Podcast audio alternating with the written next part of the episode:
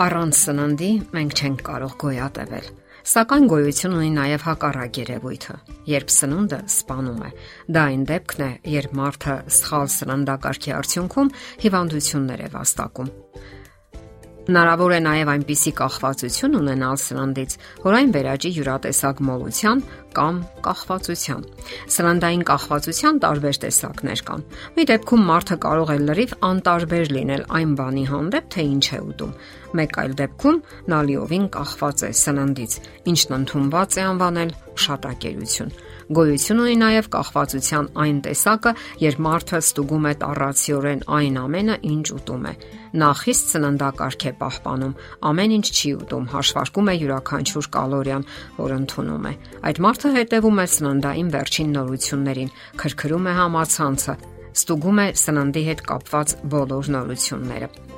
Այս վերջին երևույթը բժշկագիտության մեջ կոչվում է օրտորեքսիա։ Այն նույնքան վտանգավոր է, որքան կախվածության մյուս տեսակները։ Եվ ահա բժիշկները վերջին ժամանակներում խոսում են սննդային վարքագծի նոր խանգարման մասին՝ նյարդային օրտորեքսիայի մասին։ Այս դեպքում ճիշտ սնվելը վերածվում է կպչուն մտքերի, նույնիսկ հիստերիայի մակարդակի այն պարզապես հետապնդում ու հալածում է մարդուն։ Նկատենք, որ խոսքն ավելի շատ վերաբերում է այն դեպքերին, երբ մարդը դադարում է օգտագործել կենթանական սնունդ եւ անցնում է բուսական սննդակարգի։ Հասկանալի է, որ բուսական սննդատեսակներն ավելի օգտակար են, սակայն մինչև որ աստիճանը կարելի է հրաժարվել կենթանական սննդատեսակներից, կարող են որոշել միայն մասնագետ սննդաբանները։ Իսկ այդ մարդկանց մեծ մասը մասնագետ չէ եւ այնքան էլ լավ չի պատկերացնում հետևանքները, յուրաքանչյուր մարդու օրգանիզմի առանձնահատկությունները եւ նման կենսաձևի հետևանքներն առավել եւս։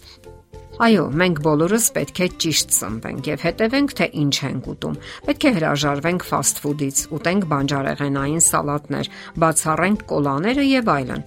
Շատերն այդպես էլ ապրում են, սակայն ահա որոշները ավելի հեռուն են գնում եւ ուղակի գորշացնում իրենց կյանքը։ Սննդի մասնագետ բժիշկ Սթիվեն Բրատմանը գրում է. Մարդը կարող է անառողջ կենտրոնացում ունենալ այն բանի հանդեպ, ինչն առողջ է Սակայն մտածեք, թե որքանով եք կախված ուտելիքներից եւ ֆիզիկական վարժություններից ու աշխատանքից։ Վտանգն այն է, որ հաճախ ջնջվում է սահմանը առողջ սովորությունների եւ այսպես ասած մոլության միջև։ Մարդն ինքը հազվադեպ է նկատում, որ անցել է այդ սահմանը, սակայն ահա շրջապատողները շատ հստակ են նկատում դա։ Հնարավոր է դուք եք ձեր շրջապատում տեսել նման մարդկանց։ Նրանք մշտապես անհանգիստ են, թե ինչ են կերել, ինչ են ուտում եւ ինչ են պատրաստվում ուտել։ Նրանց ողջ մտքերը ցավոք ողջ կյանքը պատտվում է սննդի շուրջը։ Այդ մարդիկ օրգանական սննդի որոնումների մեջ են։ Ինչը ինչպես պատրաստել։ Նրանք ոչ հազվադեպ հրաժարվում են հյուր գնալուց, իսկ եթե հանկարծ մի սխալ ոչ ընդունելի ճաշատեսակ հյուրասիրեն, Նրանք հրաժարվում են նաև ռեստորանների մեծ մասից, որովհետև վախենում են, որ այնտեղ սնունդը պատրաստում են մեծ քանակով եւ չեն համապատասխանեցնում խիստ կանոններին։ Նրանց համար հիմնախնդիր է դառնում նաև ճանապարհորդելը։ Այդ աստիճան կենտրոնանալով սննդի վրա, նրանք մեծապես աղքատացնում եւ գորշացնում են իրենց կյանքը։ Հիվանդություն է արդյոք օրտորեքսիան թե ոչ։ Այն դեռևս չի համարվում հիվանդություն։ Չի համարվում այնքան ժամանակ, քանի դեռ ապացույցներ չկան, որ նման վարքագիծը վնասում է առողջությանը։ Վիճակագրական ուսումնասիրությունները ցույց են տվել, որ մարդկանց 7%-ն ունի այդպիսի հիմնախնդիր։ Հարցն այն է, որ այդ թիվն արդեն միտում ունի աճելու։ Բրիտանական սննդաբանական ասոցիացիայի անդամ Ուրսուլա Ֆիլպոտը գրում է.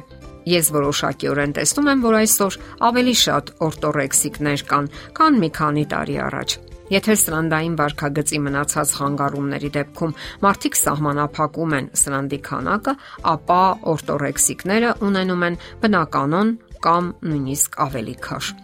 Նրանք անհանգստացած են բացառապես սրանդի որակի հարցով եւ անընդհատ նորանոր սահմանափակումներ են մտցնում, առաջնորդվելով իրենց պատկերացումներով այն մասին, թե ինչն է օգտակար կամ ինչն է վտանգավոր։ Ահա այստեղ է թաքնված հիմնական վտանգը։ Եթե խանգարումը առաջընթաց է ապրում, մարդը կարող է այնքան աղքատացնել իր օրաբաժինը, որ դադարի սննդի հետ ստանալ իրեն անհրաժեշտ սննդային նյութերը։ Հիմնախնդիրը խորացնում են ամսագրային եւ համացանցային նյութերը։ Դրանք հաճախ սարսափեցնում են այն հետևանքներով, որ կարող են ունենալ այն մարդկանց հետ, ովքեր օգտագործում են այս կամ այն սննդատեսակը։ Եվ այդ վտանգի մեջ հայտնվում են այն մարդիկ, ովքեր համակարգված գիտելիքներ չունեն սննդի վերաբերյալ։ Նրանց մոտ ամեն ինչ խառն է ու քաոսային։ Ուշագրավ է, որ այս հիմնախնդրի parzabanman եւ լուծման մեջ իրենց մտածումն են առաջարկում նաեւ հոգեբանները։ Հոգեվերլուծաբան բժիշկ Անատոլի Դոբինը գրում է. Հարկավոր է հաշվի առնել, որ ախտանշանները մեզ ցույց են տալիս, որ հիմնախնդիրը ոչ այնքան այս կամ այն սննդատեսակի օգտագործման մեջ է, որքան այն բանի մեջ, որ այդ անznավորությունը փոխհարաբերության հիմնախնդիր ունի աշխարհի հետ։ Դրանք ցույց են տալիս աշխարից ինչ որ բան վերցնելու այդ մարդու ընտունակությունը, նրա համապարփակ անվստահությունը, իր աշխարը մեկուսացման մեջ պահելու ցանկությունը։ Նկատվել է նաև, որ այդ մարդիկ որոշակի կանխակալ վերաբերմունք ունեն այն մարդկանց հանդեպ, ովքեր իրենց նման չեն սնվում։ Նրանք մեծ ամտությամբ են նայում մյուսներին եւ աշխատում են իրենց հերրու պահել։ Սա սկսում է նմանվել կեղծ ինքնագոհության մեջ մեկ ուսացած սրբության։ Իսկ ինչպես կարելի է լուծել հիմնախնդիրը։